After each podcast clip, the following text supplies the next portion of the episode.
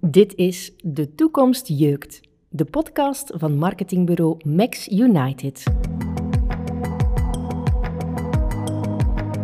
Kurt Ostien en Cies Scherpreel praten met ondernemers en experts over ondernemen in een snel veranderende wereld. Atelier Nathalie V. Zo doopte Nathalie Verhofstede haar bedrijfje. En ook al kennen de meeste architecten haar vanwege haar unieke parketvloeren, toch is het atelier het kloppend hart van haar business. En wellicht ook van Nathalie zelf. Kurt neemt ons mee voor een winters en warm gesprek.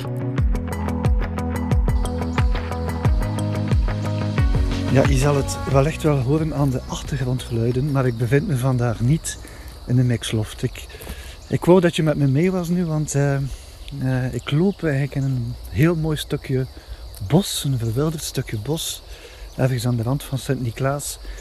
En ik ga vandaag op bezoek bij een heel bijzondere onderneemster, Nathalie Verhofstede, die ik al de hele tijd ken. En die mij ook al uh, heel lang geleden had uitgenodigd om haar atelier te bezoeken. En ik dacht, voor deze podcast ga ik dat dus ook doen. En dus heb ik mijn auto hier aan de rand van de straat moeten zetten. En ik stap nu tussen de herfstbladeren en de oude bomen uh, op zoek naar het atelier van, van Nathalie. Het voelt een beetje als uh, het sprookje van Hans en Grietje. En ik die op zoek ga naar het peperkoeken huisje. Ja, ik zie hier een prachtige vijver. En daar, ja daar, ja nu zie ik het. Een oud, eigenlijk een oud vervallen huis. Met warm licht binnenin. Hopelijk ook wat warmte. En dat moet het atelier zijn van Nathalie Verhofstede. Ik ben razend benieuwd om te zien hoe het er van binnen uitziet. En ook om te horen hoe het met Nathalie gaat en wat haar toekomstplannen nog zijn. Ik heb het gevonden. Prachtig zeg.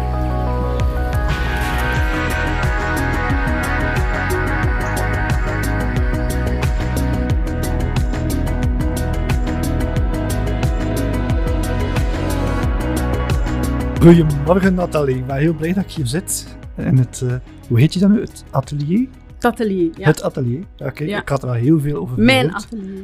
Oh, oké, ja, dat is duidelijk. maar het was ook fantastisch om hier toe te komen, uh, om het te ontdekken. En ik ben ook wel blij dat je de kachel aangestoken hebt, want het zou waarschijnlijk koud zijn zonder die kachel. Ja, super koud, ja. Hoe gaat het met jou? We zijn gestart aan 9 graden. Ah, oké. Gisteren. En dan nu is het toch 19, denk ik. Um, hoe is het met mij? Ja, supergoed. Ja, eigenlijk wel. We gaan uh, heel veel vertellen uh, in deze podcast, denk ik. We kennen elkaar eigenlijk ook al lang, dus dat, mm -hmm. dat helpt natuurlijk. Kan je heel kort eens schetsen wat je vandaag doet? Um, ik heb eigenlijk altijd in het hout gezeten, maar wat ik dan nu specifiek anders doe, is dat ik nu heel persoonlijk werk. Ik creëer houten vloeren voor mensen die daar interesse in hebben. Een beetje een houten vloer die als die een beetje een hoofdrol in een huis mag spelen. Vroeger had een bepaalde stijl in een woning, een art déco of zo, en dan was dat een vloer die daar gewoon bij paste. Dat mm -hmm. hoorde zo, dat hoorde bij dat huis. Terwijl dat je nu vaak ziet dat dat een paspartout is. En dat, ja, paspartout, dat doe ik niet. Dus ik, ik maak iets voor de woning. Ik kijk van wanneer is die woning, als dat over een renovatie gaat. Van wanneer is die woning, wat zou hier vroeger kunnen gelegen hebben. En zo doe ik het. Maar als dat nu een nieuwe woning is, dan zal ik... Uh, dan ga ik ook iets maken, maar dan ga ik helemaal anders te werk. Dan ga ik kijken, wat, wat zien ze graag, wat is er al, wat kan bijdragen tot een nieuwe stijl, iets hedendaags. Maar wel iets tijdloos, iets dat er binnen 100 jaar nog zal uh, liggen. Maar ben je dan eigenlijk een parketeur, of zie je het zo? Ja, dat is moeilijk, hè. Eigenlijk wel. Ik doe niet anders dan iemand anders. Maar ik denk er misschien wel iets dieper over na. Hm. Ik denk dat dat in deze podcast duidelijk aan bod zou komen. Dat is ook de reden waarom dat ik heel graag eh, kwam, omdat ik ook wel weet dat je op een heel andere manier naar, naar je vak kijkt en ook naar hout kijkt. Ik heb even zitten nadenken gisteravond, hoe lang kennen wij elkaar? En ik denk dat ongeveer 25 of 26 jaar geleden moet zijn dat jij met jouw broer, Stefan, ja. voor het eerst naar Kras kwam Ah, dat zou wel kunnen. in Waregem. En dat we Ja. toen in de veranda zaten van Koolstrop. Goh, ja, dat weet ik. En als ik mij goed herinner, was jij dan pas afgestudeerd en eh, kwam je luisteren hoe dat koolstrop werd gemaakt, hoe dat houtverduurzaming gebeurde. Maar ik stelde me dan de vraag, je was pas afgestudeerd, wat, wat, wat had jij gestudeerd? Niets met interieur, dacht ik. Nee, ik heb hotelschool gedaan. En dat was een beetje logisch. Ik deed ook niet anders dan koken en, en bakken en al die dingen. En dan plotseling toch, Ja, maar mijn zus die heeft interieur gedaan en ik heb haar altijd geholpen met eh maquettes, met interieurs uitdenken, met kamers verzetten en herschilderen en opnieuw alles verzetten en nog eens herschilderen. Dus dat heb ik met mijn zus altijd wel gedaan. Dus het zit er altijd wel een beetje in. Mhm. Van die interieur, dat interesseert me wel. Maar hmm, ik weet niet of dat een interieur is in totaliteit is dat me interesseert. Het is, ja, het is vooral het, het, het creëren, het met mijn handen eh, iets maken dat me interesseert. ja. Dus misschien daar toch een beetje de link naar het koken, dat je De, creëert eigenlijk. eh, Ja. ja. en de afwerkingen dat ik nu doe, dat is wel een samenwerking tussen het hout, mijn inbreng en producten. Voor mij is dat een beetje zoals mayonaise maken. Je hebt een aantal ingrediënten en dan krijg je ineens totaal iets anders, een mayonaise. Terwijl dat je allemaal liquide dingen, krijg je ineens zo een dikke pap. En dat is met hout een beetje hetzelfde. Je hebt je hout, er zitten bepaalde stoffen in, je brengt daar iets op aan en dan krijg je een soort chemische reactie, waardoor dat, dat hout verandert van kleur, maar ook van sfeer. En Ja, niet zo zie ik het we- een beetje. Dat we hier een, een, link gingen vinden tussen mayonaise en hout. Dat is al een, Ja, eh, ja, iemand heeft mij ooit eens gezegd van... Ah ja, dat is Woodcookers Paradise, waar dat jij bezig bent. ah. In mijn atelier. Ja, ja, En dat is misschien wel een beetje zo. ja. Ik ga even terug naar die 25 jaar geleden. Voor mij was dat tamelijk uniek, omdat in die houtbranche, en zeker parketeurs eh, vandaag nog altijd, maar je denkt heel sterk aan een mannenwereld op dat moment. Ik denk dat je daar toch wel tamelijk uniek in bent, dat je, dat je toch een van de eerste vrouwen was die daar, die daar toch haar hart verloor aan, aan, aan die houtsector. Ja, Waarschijnlijk door de achtergrond, Ja. door uw, want uw vader was, had, had een houthandel, even voor Ja. de duidelijkheid. Ja. had een, ja, mijn, ja, dat klopt. Mijn grootvader is dat ook al in het hout, maar mijn vader is dan begonnen als, met, met een houthandel. Ik ben daarin gekomen en dan, ja, een beetje uit noodzaak. Ik was afgestudeerd en er was wat, wat problemen, zat een personeeltekort. En ik was dan degene die het dichtste bij was om daarin te stappen. Oorspronkelijk voor een jaar. Ja. ja, kijk, ik zit nog altijd in het hout. Ik zat, ik zat aan de balie dan, in de toonzaal bij ons, eh, in een houthandel. En mensen stelden een vraag, maar ik zat daar. Maar die vraag werd wel aan mijn papa gesteld, die eigenlijk met zijn rug naar die mensen stond. Typisch. ja. Dus, dus dat was zo heel raar dat, dat een vrouw die kende dat niet. Dat was duidelijk. Ja. Ja, dat was in het begin wel heel lastig, maar eigenlijk doordat ik altijd... Ik ben in een bouw eigenlijk altijd als enige vrouw. Nu nog.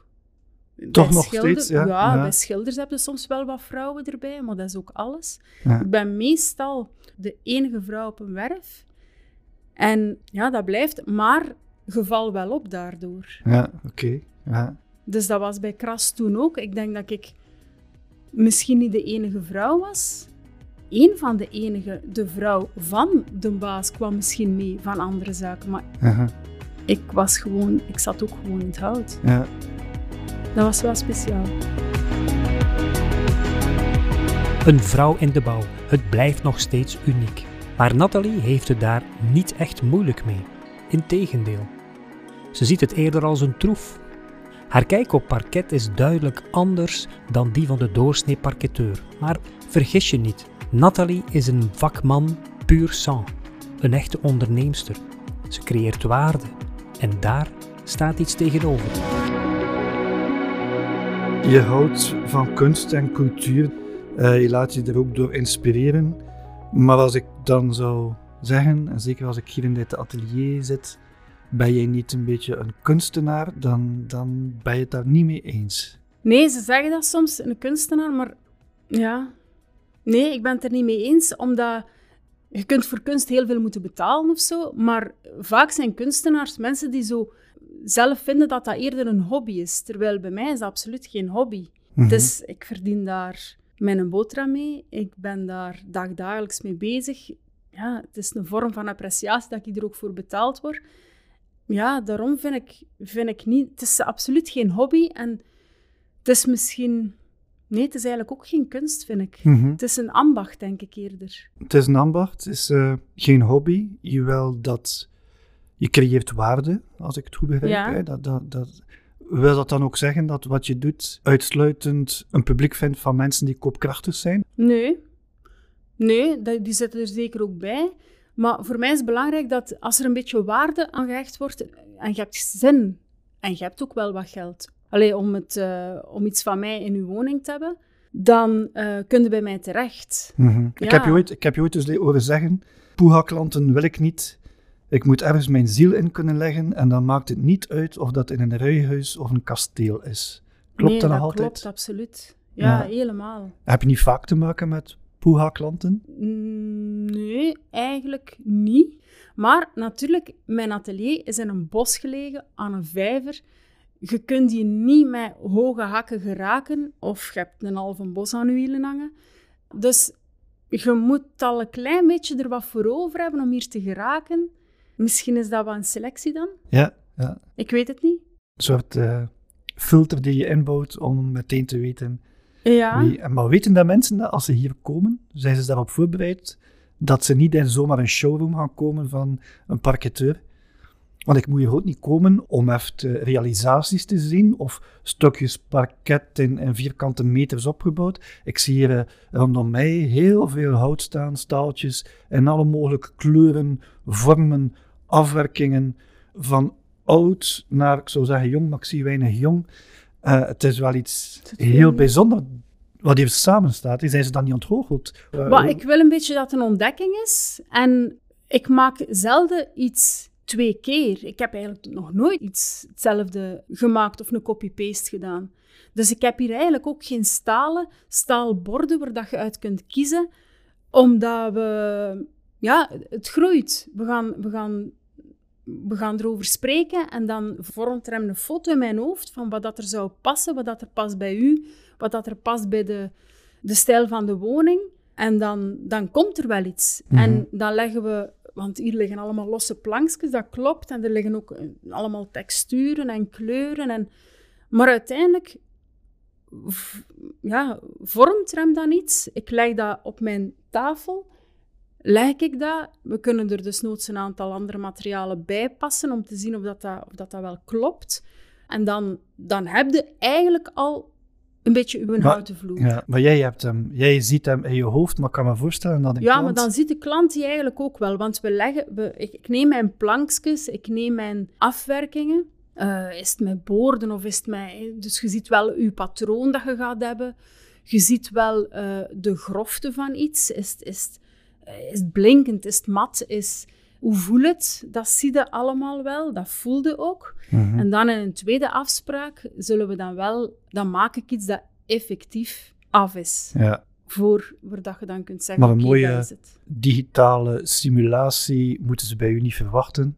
Nee, omdat je er hebt dan... een stukje die fantasie nodig om mee te gaan. En, ja, en en- er gaat een keer verloren met die 3D... Die renders, dat is allemaal heel, heel schoon en Ja. super knap, maar, ja, maar niet voor mijn materiaal. ja. Maar dat maakt het waarschijnlijk ook wel uniek. Hè? Ik denk dat je daar effectief een publiek hebt die, Ja. die dat ook moet kunnen. Ik denk ook wel dat je het moet kunnen als klant.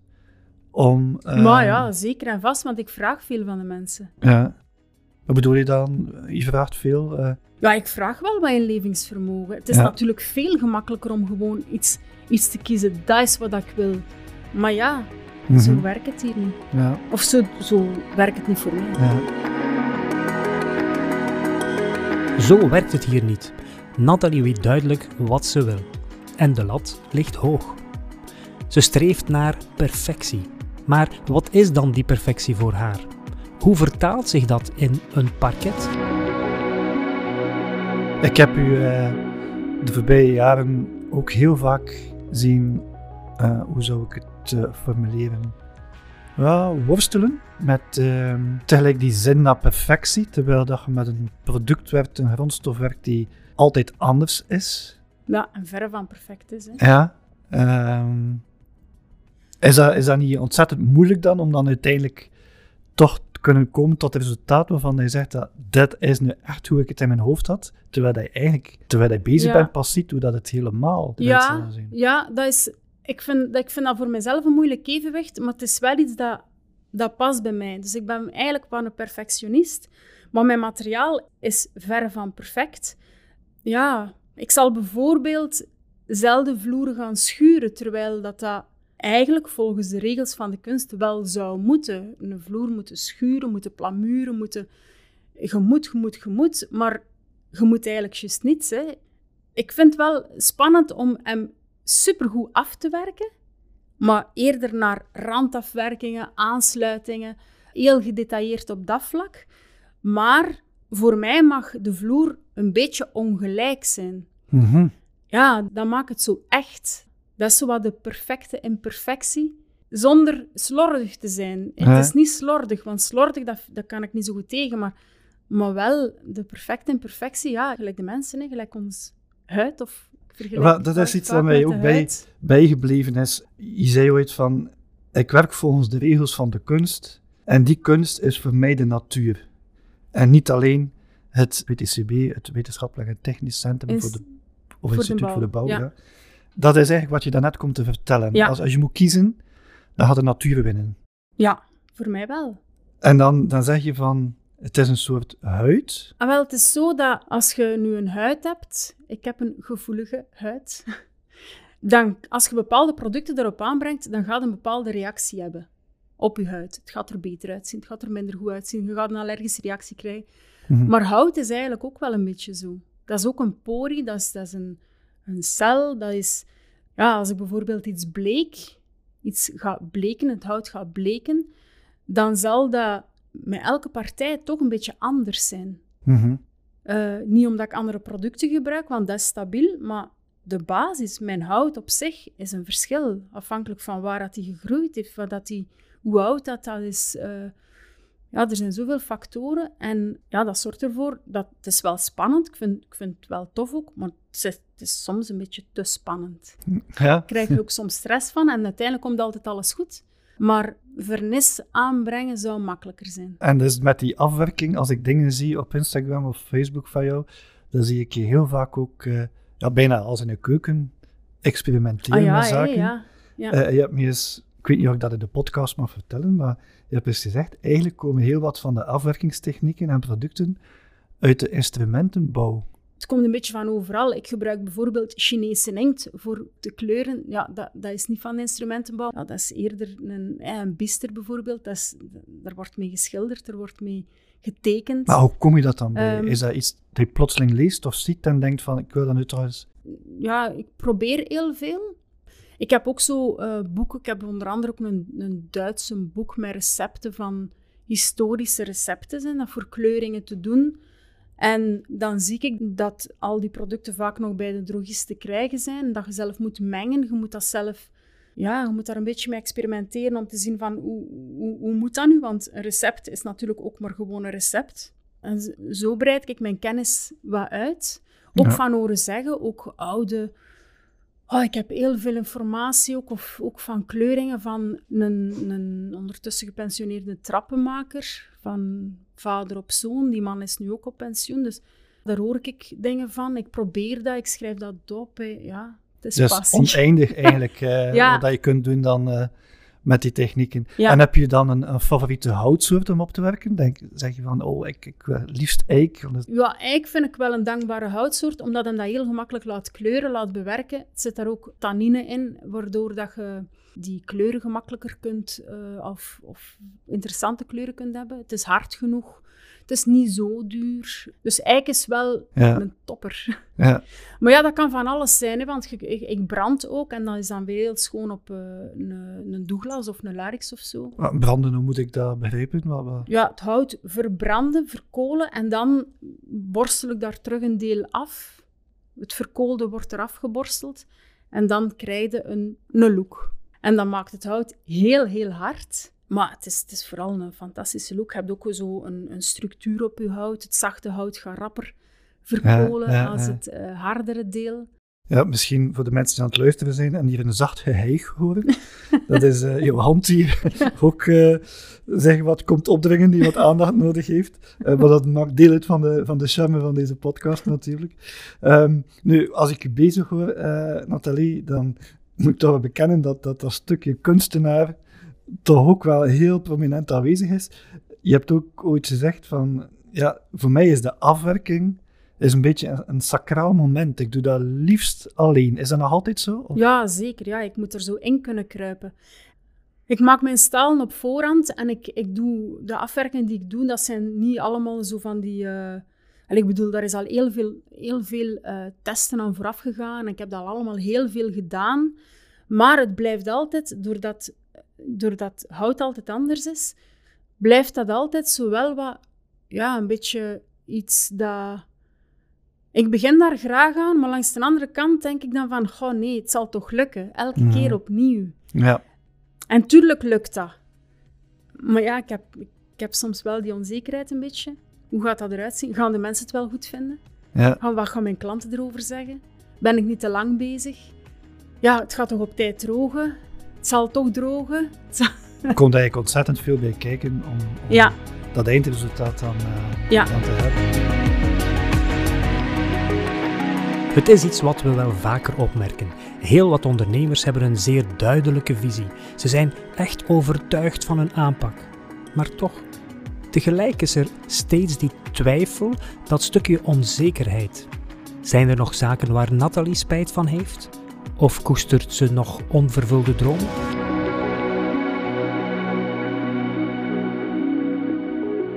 Als je nu al terugkijkt en je ziet welk, welke weg je hebt afgelegd om vandaag te staan waar je nu staat, zou je het opnieuw doen?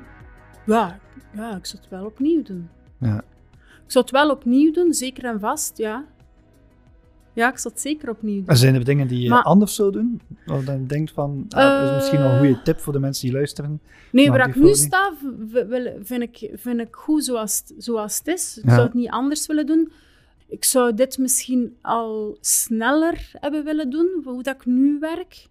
Maar alles komt zoals het komt natuurlijk. Hè. Maar En als je mag dromen, hè, deze podcast heet De Toekomst Jeukt. Waar jeukt het momenteel? Ik wil vooral nu verder kunnen doen en beter kunnen doen nog eh, wat ik nu doe. En dan zou ik toch nog graag iets meer service in de, misschien na de verkoop toch nog er willen bij doen. Maar weer anders dan anders. Ik wil het niet wat dat er al bestaat. Iets, ja, Ik zie je er is twijfelen. iets aan, aan, aan het broeden. Er is iets aan het broeden. Maar eh, mag ik zo zien dat, dat het soms moeilijk is om wat je gecreëerd hebt dan definitief los te laten in de handen van iemand anders? Zou je willen blijven helpen om dat... Ja, mooi ik zou wel willen blijven, blijven helpen. Ehm, want nu doe ik ook al de afwerkingen doe ik, eh, zelf. Maar ik denk, wat ik belangrijk vind, is dat, dat mijn kennis dat dat ook niet gewoon verloren gaat. Dus ik, van mij mag, dat, mag iemand anders dat ook doen, of delen ervan, of samen. Of, dat, dat zou zeker, eh, Mhm. zou zeker kunnen. Wel benieuwd wat eh, de toekomst brengt. Ik vond het in ieder geval een heel aangenaam gesprek en leuk om te zien hoe fascineerd je toch eh, met passie bezig bent. Alhoewel passie, ik was aan het denken in de auto toen ik naar hier kwam, dus zo'n woord dat heel vaak gebruikt wordt in de houtsector. Ja, Passie voor hout. Ik dacht eigenlijk bij jou, is, dat, is, dat, is het geen passie? Het woord dat bij mij opkwam was een soort tederheid voor, voor hout. Klopt het? ja. Dromen? Ik weet niet, tederheid, dat is zo precies te soft. Ja. Oh, het mag dus wat Het mag iets uitdagender steviger zijn. Iets steviger. Oké, ik ga op zoek naar een ander woord dan om deze Maar podcast te passie leiden. klopt inderdaad ook niet, want dat wordt, hier te- dat wordt overal te pas en te onpas. Ja, het is... eh, Eh goesting gewoon. Ik heb echt heel veel... Ik, ik- ja, ik doe dat echt heel graag. ja. Oké, laten we dan op goesting houden. Ik wens je nog heel veel goesting in de toekomst. Ehm, en eh, ja, wie zaken van jou wil bekijken, dat is niet zo eenvoudig, want eigenlijk heb je niet graag dat er dingen gefotografeerd worden, omdat je, als ik het goed begrijp, de hele context moet zien, de mensen die erin wonen, de, de ziel van het huis eigenlijk moet kunnen snappen. Maar je kan wel wat proeven op, op je sociale media en op de website kun je wel eventjes Ja, zeker. proeven Ja, van... ja, ja. eh, Maar ik, ik wil gewoon niet allee, zo de, de woningen die volledig gefotografeerd worden en die, ja, ik vind dat daarom niet zo interessant. mhm. Want we- oké, dan, dan zou ik u misschien kunnen overtuigen om een houten vloer van mij eh, te nemen, maar ja, ik denk dat mijn atelier misschien voldoende overtuigt. Oké, ik ben het daarmee eens.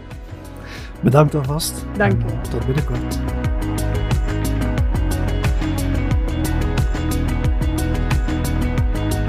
Jij na het beluisteren van Nathalie's verhaal ook goesting gekregen om jouw ondernemersdromen sterker uit te bouwen? Je weet ons te vinden op www.maxunited.be.